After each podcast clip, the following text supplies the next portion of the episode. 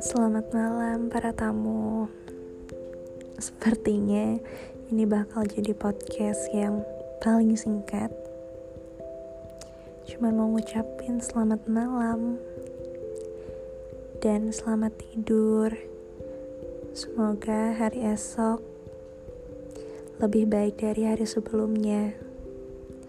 Semangat!